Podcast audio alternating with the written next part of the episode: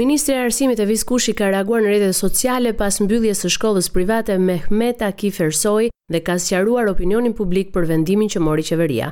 Ajo thotë se Ministria e Arsimit dhe Sportit ka konstatuar një sërë shkeljesh ligjore nga zotëruesit e licencës në fjalë.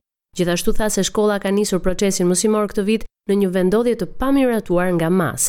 Ajo shkruan më tej se zotëruesit e licencës nuk i kanë plotësuar kriteret ligjore edhe pse nga ana e Ministrisë së Arsimit është kryer dy herë verifikimi i tyre. Ministrja Kushi sqaroi edhe se MAS do të marrë masat e nevojshme për të transferuar njëqind e gjashtëdhjetë nxënësit e shkollës nëpër shkolla të tjera. Ndërkohë, nënvizoi se revokimi i licencës në fjalë nuk ka asnjë lidhje me spekulimet e ndryshme rreth shkaqeve të këtij vendimi.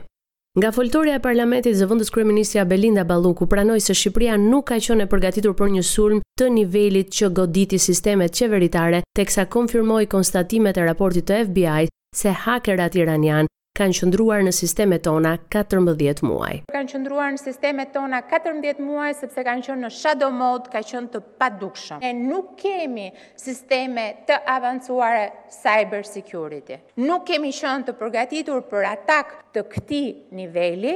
Ishte e pamundur për ne që të përballonim sulmin e organizuar në katër burime të ndryshme, të mirorganizuara secili me detyrën e tij, së bashku duhet të rishikojmë legjislacionin për sa i përket këtij sektori dhe duhet të ketë investime të rëndësishme për të krijuar një mbrojtje që Shqipëria s'ka qenë e përgatitur pasi nuk kemi qenë ndonjëherë objekt i sulmeve të tilla, Të mërkurën, një delegacion i NATO-s i kryesuar nga zëvendësasistenti i Sekretarit të Përgjithshëm për Sfidat dhe Zhvillimin e Sigurt James Appathurai, mbërriti në Tiranë për të asistuar qeverinë shqiptare në nivel politik dhe teknik lidhur me sfidat dhe investimet që nevojiten për rritjen e sigurisë ndaj sulmeve kibernetike. Nga ana tjetër, kryetari i Partisë Demokratike, Sali Berisha, deklaroi se sulmi kibernetik në vend ka ardhur nga hakera serbë dhe rusë. Sipas tij, edhe Kosova është sulmuar nga sistemet e Shqipërisë.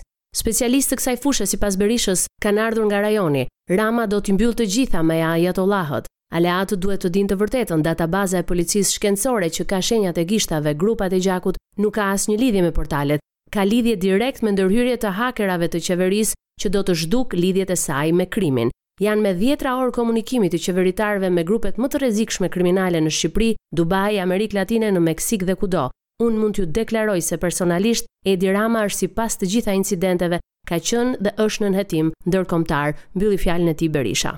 Si rrallë herë Sali Berisha zgjodhi të ulet në krah të socialistëve në seancën plenare të së enjtes. Ai tha se ishte një strategji për të dhënë një mesazh. Jo rastësisht për herë të parë unë prita i ulur në një karrike të deputetëve socialistë. E bëra me qëllimin e sinqertë për t'u thënë socialistëve shqiptarë që sot avokatër të vetëm të tyre në parlament janë demokratët dhe do vazhdojmë gjer në fund të jemi zëdhënës të interesave të shqiptarëve pa dallim bindjesh politike. Ky mesazh ishte hapja për thirrjen që drejtoi ai ndaj shqiptarëve ku paralajmëroi greva dhe protesta masive. Por socialistët uljen e Berishës në krahun e tyre dhe deklaratat e tij i cilësuan provokim të hapur. Në parlament Berisha i drejtoi edhe disa pyetje zëvendës kryeministres Balluku, por nuk mori përgjigje pasi kryetarja e Kuvendit i ndërpreu fjalën. Jashtë Kuvendit Berisha iu përgjigj edhe interesit të medias nëse do të shkojë në SPAK për çështjen e privatizimit të ish-kompleksit Partizani pas padisë së bërë nga Taulant Balla, por ai mohoi të ketë marrë fletëthirrje për këtë dhe tha se kjo është një përpjekje mjerane e Ramës për të mbuluar vjedhjet, se dhe Berisha do të shkojë çdo herë që do ta thërrasin në SPAK. Në një intervistë për gazetarin Blendi Fevziu, kryeministri Edi Rama ka dhënë një përgjigje për deklaratën e tij të herëpashershme që nuk varet nga politika dhe vjen një moment që duhet të largohesh nga politika.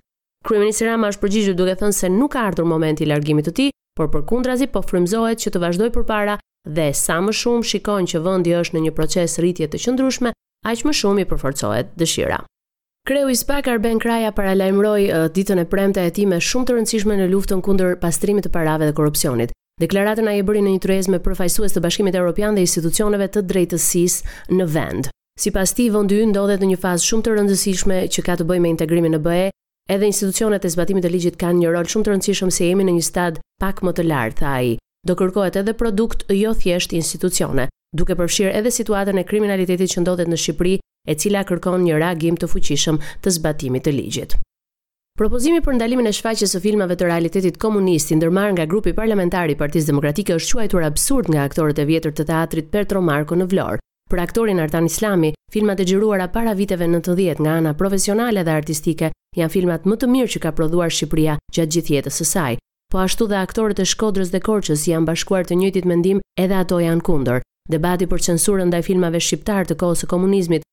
është diskutuar edhe disa vite më parë, ndërsa hasi reagimin e fortë të personaliteteve të artit dhe kinemasë shqiptare ndër vite. Kuqezinjtë kanë zhvilluar seancën e fundit stërvitore në Durrës në kuadër të Ligës së Kombeve. Shqipëria do të sfidojë Izraelin në ndeshjen që do të luhet nesër në orën njëzet e dyzet e pesë teksa ekipi i Edi Rejas ka mbyllur përgatitjet dhe do të fluturojë me çarter drejt Tel Avivit në një udhëtim që pritet të zgjasë tre orë e gjysmë. I pranishëm në stërvitjen e përfaqësueses ka zbritur edhe presidenti i FSHF-së Armando Duka, por dhe disa drejtues të tjerë. Në këtë transfertë Edi Reja nuk do të ketë të gatshëm disa lojtarë, por nga grupi aktual që është thirrur, Myrto Uzuni është i vetmi në dyshim, edhe pse është bashkuar me grupin. Në sulm Shqipërinë do ta udhëheqë drejt kërkimit të një fitoreje dyshja Broja-Çikalleshi, ndërkohë që Myrto Uzuni mund të aktivizohet në pjesën e dytë si pasojë e shqetësimit që ai ka.